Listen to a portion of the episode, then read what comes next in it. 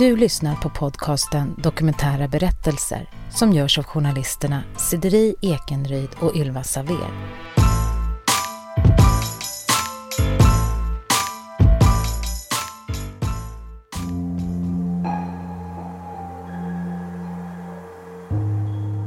Mer än var tredje svensk tror på paranormala fenomen, det vill säga händelser som inte kan förklaras av vetenskapen det visar en rapport från Vetenskap och fortbildning från 2015.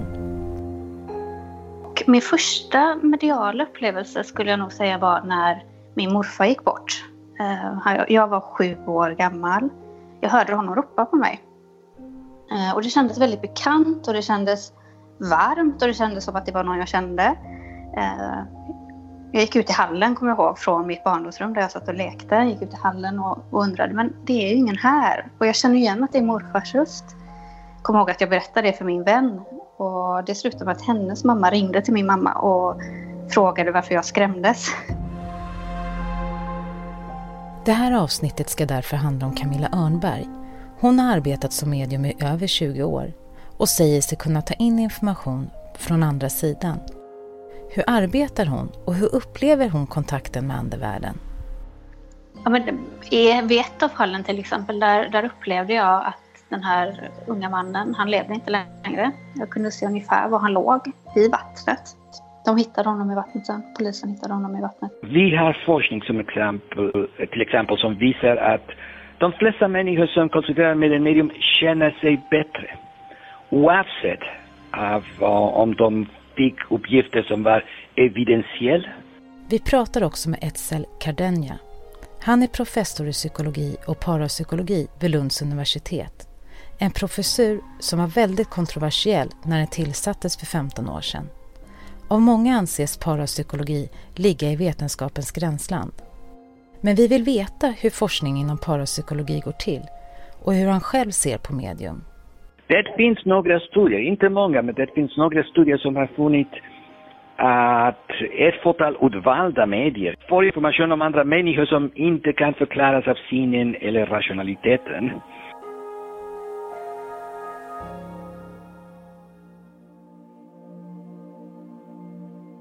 Camilla växer upp med sin familj ute på landet. När hon är 16 år börjar hon gymnasiet och flyttar själv in till centrala Göteborg. Då har hon haft problem med migrän i många år och bestämmer sig för att prova yoga. Och i yogan fann jag någonting som kändes väldigt bekant och väldigt hemma. En känsla av att ja, men det är, finns något mer än den här fysiska kroppen. Jag kan påverka med hjälp av mina tankar, rörelser som gör att det släpper på spänningar och någonstans börjar jag känna ett flöde av energi som rörde sig i kroppen. Eh, och det blev eh, upplevelsen av att vi kanske är något mer än våra, våra tankar, våra känslor, vårt fysiska. Eh, och med, i och med yogan så kommer man in på meditationen där också. Eh, där jag kände att ja, men här hittar jag någonting som är mer. Någonting som gör att jag kan släppa allting som finns runt omkring, få ett fokus, ett lugn, en balans som gjorde att jag så småningom fick mindre och mindre huvudvärk och migrän. En som spelar stor roll i hennes liv är hennes mamma. Så långt Camilla kan minnas så har hennes mamma också varit väldigt öppen för det andliga. Även under barndomen, även om vi inte pratat om det, så vet jag att hon kunde känna på sig saker som hände mig och hon började med healing. Hon gick en kurs i reiki-healing jättetidigt och gjorde mycket med det med djuren men det hade väl kanske inte någon mer koppling än, eh, än djuren och healingen och liksom den här naturliga delen av att vara lika mycket värda. Tills mamma började gå en kurs i mediumskap och då kände jag att men gud, det där är ju någonting som jag vill testa. Och då åkte jag med henne upp en kurs. Och där fick vi för första gången prova på att ta en andekontakt. Och jag kommer ihåg att det bara strömmade genom känslor genom min kropp som jag visste inte var mina. Och jag kände bara att hjärtat höll på att brista. Jag ville jag kunde inte sätta ord på de känslorna jag hade mer än att jag fick ur mig till slut att det kommer så mycket kärlek och jag hör ett namn. Eh, och jag kommer inte ihåg vilket namn det var nu. Eh, så sa vår lärare att ja, min son hette det. Han är borta nu. Han lever inte längre. Jag förstår att du känner mycket kärlek. Och där kände jag någonstans att, aha, det är så här jag ska hjälpa människor. För den, den känslan har jag alltid haft att jag ska hjälpa människor på något sätt. Och där föll den på plats. Och ja, efter det så fortsatte jag utveckla mig i detta. Parapsykologi är den vetenskapliga studien av fenomen. Etzel Cardenja, professor i psykologi och parapsykologi vid Lunds universitet. Hur definierar han sitt forskningsområde? Som antyder att medvetande inte begränsas av de vanliga begränsningarna av tid och rum um, time and space. Så att information som sker på en annan plats eller i framtiden kan påverka en persons upplevelse eller fysiologi. Man vet något som man borde inte veta, något som händer på något annat plats eller i framtiden och eh, som inte kommer genom maskiner. Och man kan inte resonera det. Han har arbetat vid Lunds universitet i 15 år. Men hans huvudämne är egentligen inte parapsykologi utan forskning om förändrade medvetandetillstånd. Det tillstånd som kan uppstå vid exempelvis hypnos och meditation. Mitt största ämne kunde man säga är inte parapsykologi så mycket som uh, förändrade medvetandetillstånd. Så mitt hela liv uh, som en psykolog har jag gjort forskning om hypnos och um, meditation och sådana saker. Och i, i dessa tillstånd, ofta, hör man att människor säger att de har med förmåga, de kan se några saker som kommer att hända i framtiden eller på något annat plats. Så det finns många rapporter uh, att sådana saker händer. Så, så jag har varit intresserad. Är det bara en delusion? Eller finns det någon sanning där? Ganska direkt efter den första kursen Camilla tar i mediumskap börjar hon arbeta som medium. Idag har hon varit aktiv i 20 år och har bland annat setts i TV4s Det Okända. Jag jobbar i snitt kanske två dagar i veckan med mediumskapet. Sen har jag, jobbar jag 60 procent med eh, yoga och träning och, Eh, för kommunen.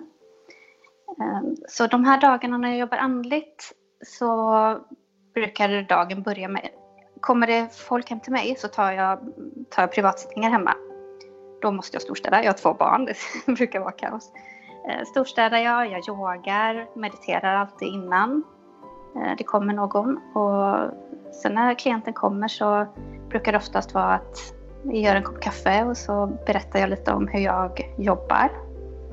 Eh, och sen eh, brukar jag fråga, vill du att jag ska läsa av vad som finns runt omkring dig? Alltså att jag läser av din energi och din situation som du har runt omkring dig eller har och potential. Eller vill du att jag direkt har kontakt med andevärlden? För det är två olika sätt att jobba på. Eh, och ofta brukar det bli en kombination av båda. Det handlar egentligen om att man riktar sin energi på olika sätt. Om jag ska läsa av en person och det gör jag bara om jag har fått tillåtelse att göra det. Då, då riktar jag energin mot personen Ibland så bara kommer det till mig en massa information. Ibland får jag rikta mig in i varje chakra. För i varje chakra kan man också hitta information.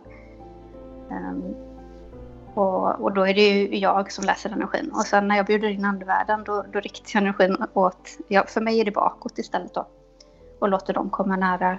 Uh, och då, då är det deras historia jag ska försöka kanalisera eller förmedla så rent som möjligt.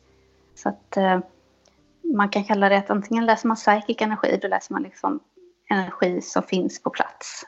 Eller så läser man andlig energi. Eller man egentligen bara förmedlar den andliga energin. Så det är olika sätt att jobba på men båda går ju hand i hand och båda, eh, båda ingår ju i, i medlemskapet om man säger så.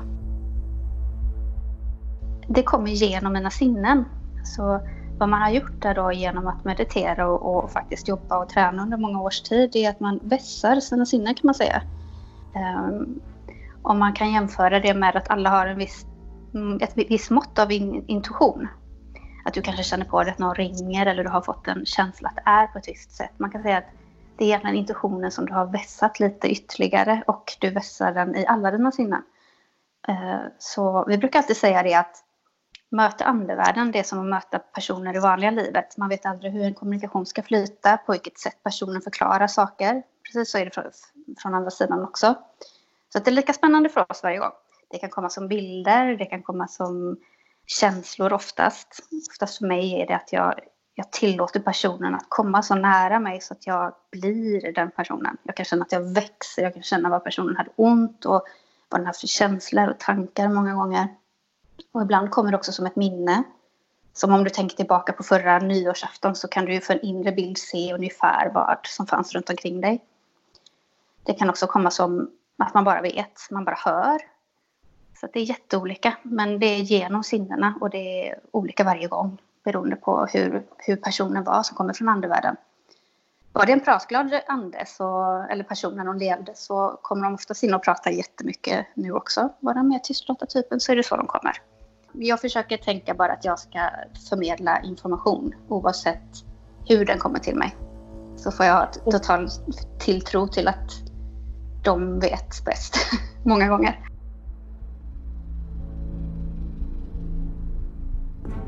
Utmaningen med parapsykologisk forskning är just att leda fenomen i bevis. Att hitta vetenskapliga stöd för något som upplevs bortom tid och rum. Ett igen om hur experiment kan gå till. Här i Lund vi har gjort ett projekt där vi genomförde experiment där en person placerades i ett sammanhang av sensoriskt berövande och personen ombed att fantasera är att uh, vad händer i ett filmklipp som kommer att väljas slumpmässigt av en dator i framtiden. Och uh, jag säger okej, okay, jag vill att du kommer att se i din sinne, eh, mind, uh, vad filmklipp kommer att vara att, att handla om och senare um, filmklippen eh, väljas slumpmässigt och senare presenteras personen med fyra olika alternativ. En av dem är det valda klippet. Och personen uppmanas att betygsätta dem. Så från 0 till 100. Vilken tror du var uh, filmklippet som datorn väljer? Så de kan säga, okej, okay, jag tror att detta inte alls, eller detta, ja, det är precis vad jag såg i min sinne, och så vidare, från 0 till 100. Så om experimentet genomförs ordentligt och bra, uh, men, uh, om människor väljer rätt klipp oftare än vad som kan förväntas av slump kan vi säga att det finns stöd för hypotesen att människor kan påverkas av ett händelse som inträffar i framtiden.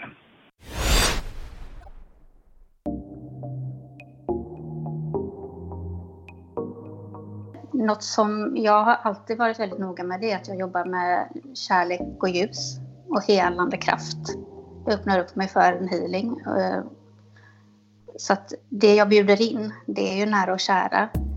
Eh, man får alltid ha den respekten med sig som medium att det är någon som är och kär. Oavsett om den här personen kanske i livet inte har varit den mest trevliga personen så är det ändå själen, anden, essensen, det vackra i den här personen som kommer tillbaka. Så det är det, det, är det vackra i personen som jag kommunicerar med. Sen kommer jag alltid kunna uppfatta om det har funnits psykiska besvär, aggressioner eller elakhet helt enkelt. Det uppfattar jag, men jag brukar säga att det är som att anden har gjort sin egna rannsakan på vägen upp. Den har fått ett tredje perspektiv på hur den har varit och agerat och hur det har påverkat andra runt omkring. Så när de kommer tillbaka så kommer de med ett, ett högre medvetande och oftast med en högre förståelse för hur de har burit sig åt. Så jag känner alltid den här kärleken och det fina som ligger bakom, även om det kan vara otroligt tragiska livsöden. Om jag hade en medium som jag hade arbetat mer, skulle jag fråga varför? Ja, om det finns döda människor som är fortfarande där som vill kommunicera med oss, varför är det så svårt att få deras uppgifter? Eftersom de flesta medium ger inte några uppgifter som är väldigt precis, väldigt noggrant. Så om det finns där redan, varför är det så svårt att faktiskt få någon evidens, någon bevis som skulle känna oss, uh, som skulle göra oss att känna bättre? Ja, varför är det då så svårt att ge starkare bevis som skulle kunna förklara det övernaturliga? Så här svarar Camilla. Ja, men vi människor vill ju gärna ha eh, tid och rum och plats. Det, det är jag helt av upplevelsen att det finns inte på samma sätt. Jag brukar säga att om du tänker dig olika flikar som du har uppe på din dator så har du en synlig flik. Det är den som vi kan kalla våran värld som vi lever i. Sen kan du ha jättemånga flikar liggande till men om du inte öppnar dem så kan du inte heller se dem. Eh, och andevärlden pratar mer om att de har möjligheten att resa igenom alla flikarna, om man kan säga så. Och vi är ganska bundna till en flik. Jag öppnar upp en, en andra flik när jag pratar om andevärlden. Och jag kanske öppnar upp en tredje flik om jag är ute och letar efter ett energiminne. Eh, så att det finns, jag brukar se det som att eh, det finns så mycket mer än det vi ser. Vi kan öppna upp en annan flik. Andevärlden kan, som jag har förstått det, röra sig mellan olika flikar, tid och rum, här och nu och, och då och framtid. Um, oftast så kommer de tillbaka så länge de har någon uh, i, sin, i sitt nära släktband så kommer de tillbaka. Många gånger säger de att de tar trollen som en skyddsängel för ett barnbarn eller någon som finns runt omkring. Mm. Eh, jag får också höra många gånger att nu kan jag vara överallt. Nu kan jag uppleva allt. Jag är fri, min kropp bär inte på smärtor längre. Och framförallt så kan jag vara med mycket mer runt omkring alla i familjen än vad jag hade förmågan att, att vara när jag var här. Jag tror det att, och det är väl en sund tanke tänker jag, att har man inte upplevt det så, så är det obegripbart. Det är som att man, man hör talas om att det finns en flik till på datorn. Men, du, men du, du kommer aldrig få trycka på den. Och är man inte heller intresserad av att hitta en till flik på datorn så, så struntar man helt enkelt i det. Um, och ja, är det obegripbart så, så förstår jag att man inte heller kan tro på det. Jag tror att man måste uppleva det. Man måste ha haft någon typ av upplevelse själv för att eh, kunna tro. Jag har haft många klienter som kommer som först förrän de mister någon som står dem väldigt nära eh, ens har tänkt tanken på att vad händer efter? Vad är meningen med saker och ting?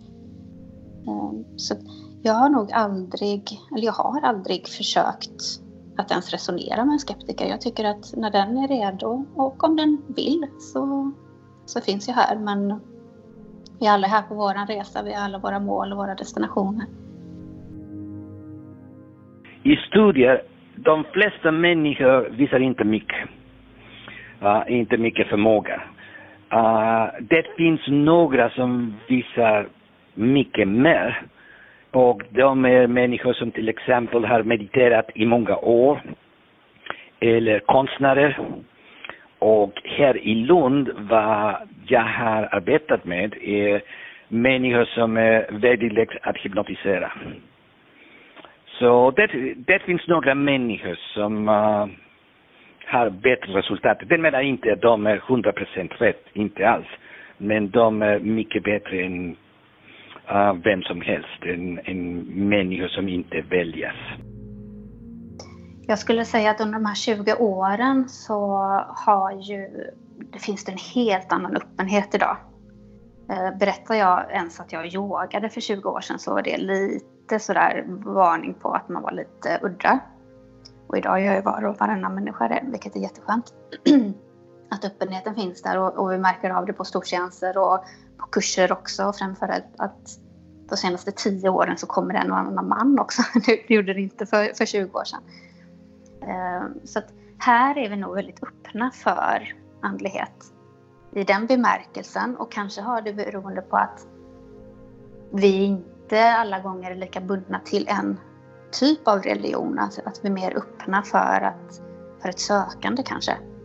Så ja, jag skulle nog säga att, att fler och fler är öppna för det. Um, och fler och fler vågar prata om det.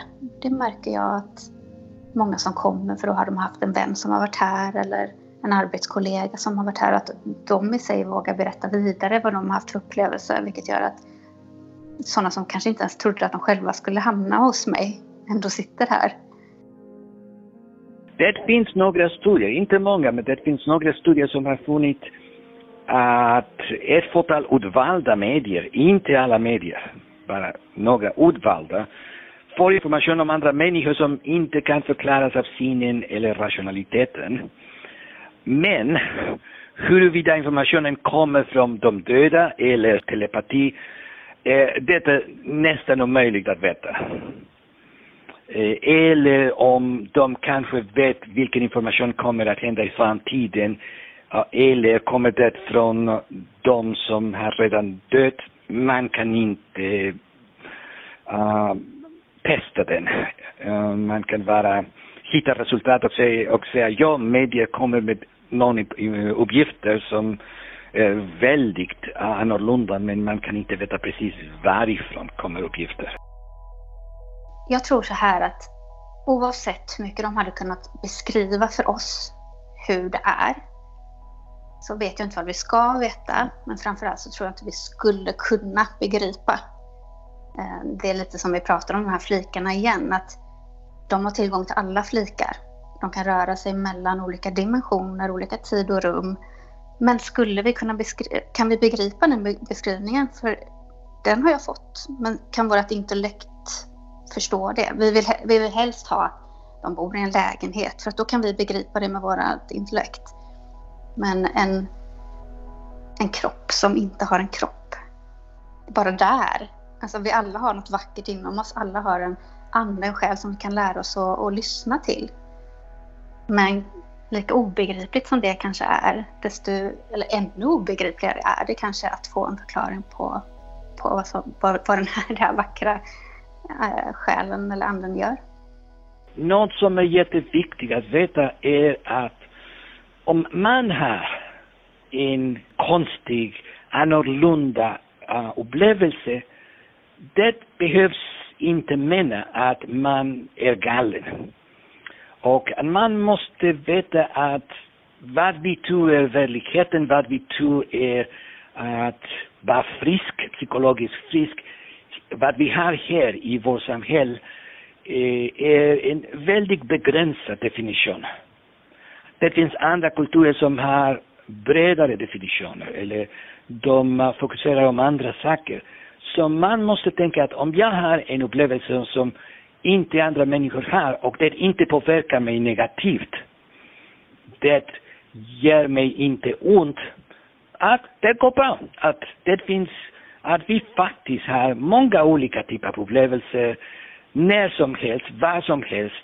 Att det har varit många människor i historien som har givit oss jättemycket och de har eh, annorlunda upplevelser. Eftersom vi är i Sverige, um, jag kan prata till exempel om Hilma af Klint, den väldigt stora målare som började att måla som en abstrakt expressionist uh, innan andra människor gjorde. Och den kom inte från hennes eh, lektioner i, i målning, men det kom eftersom hon hade några annorlunda upplevelser att hon kunde kommunicera med andra själar, spirits eller vad som helst.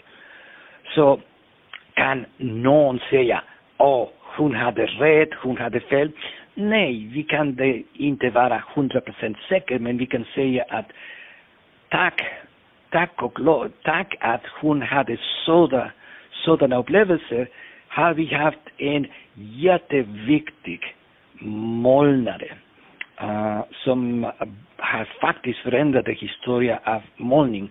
Och som Hilma Flint, det finns många andra som har haft konstiga upplevelser och det menar inte alls att de var galna eller att det var något fel med dem psykologiskt. Det menar det att de hade bara något som var annorlunda, inte, inte vanligt. Det är allt.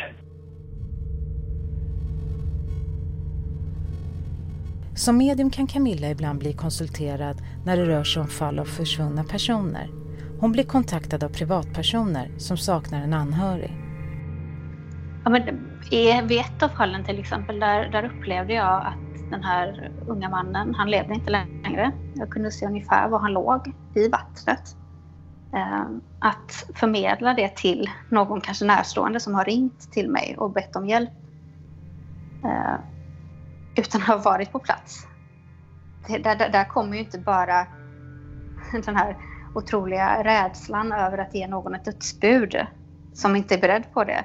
Där kommer också rädslan att tänk om inte personen ligger här. Alltså, som medium har man en otrolig prestationsångest. Jag har det varje gång jag ska jobba. Jag vill att det ska bli så bra som möjligt. Jag vill att de ska känna att detta är möte med deras nära och kär. Så därför väljer jag inte jobba så mycket med de här fallen för att det är, det är, det är krävande. Det är det. Och det... Ja, de hittade honom i vattnet sen. Polisen hittade honom i vattnet. Det finns några människor i akademin som tror att om man är intresserad i parapsykologi, det menar att man är irrationell. Etzel igen om varför parapsykologi har svårt att accepteras. Vissa associerar nämligen området med magi och astrologi, någonting som inte stämmer. Eller att man kommer att ta med religion på ett annat sätt och att säga okej, okay, jag vill bli att uh, samhället kommer att bli mer religiöst. Och det är inte så. Det finns uh, parapsykologiforskare som är inte särskilt religiösa eller inte alls religiösa. Uh, några, jag har en lista till exempel av många nobelprisvinnare som har stött parapsykologi, som har varit väldigt rationell. Så det har inte att göra med rationalitet. Men det finns uh, en, uh, det finns några människor som är skrämda, de är rädda att kanske parapsykologi har något att göra med superstition eller religion som det, det inte har att göra. Det är att kolla, det finns observationer som uh, visar antagligen att det finns, vi är mer kopplade, att vi kan få uppgifter från något annat plats. Så jag ser fram emot när det kommer ännu mer forskning på att det ja, men när det går att göra begripligt för oss alla. Eller så kanske man bara accepterar det, att det finns något större, något som vi kan ha tillgång till genom oss själva. Och så kan man lita på det och, och försöka utforska det. Men en inre resa.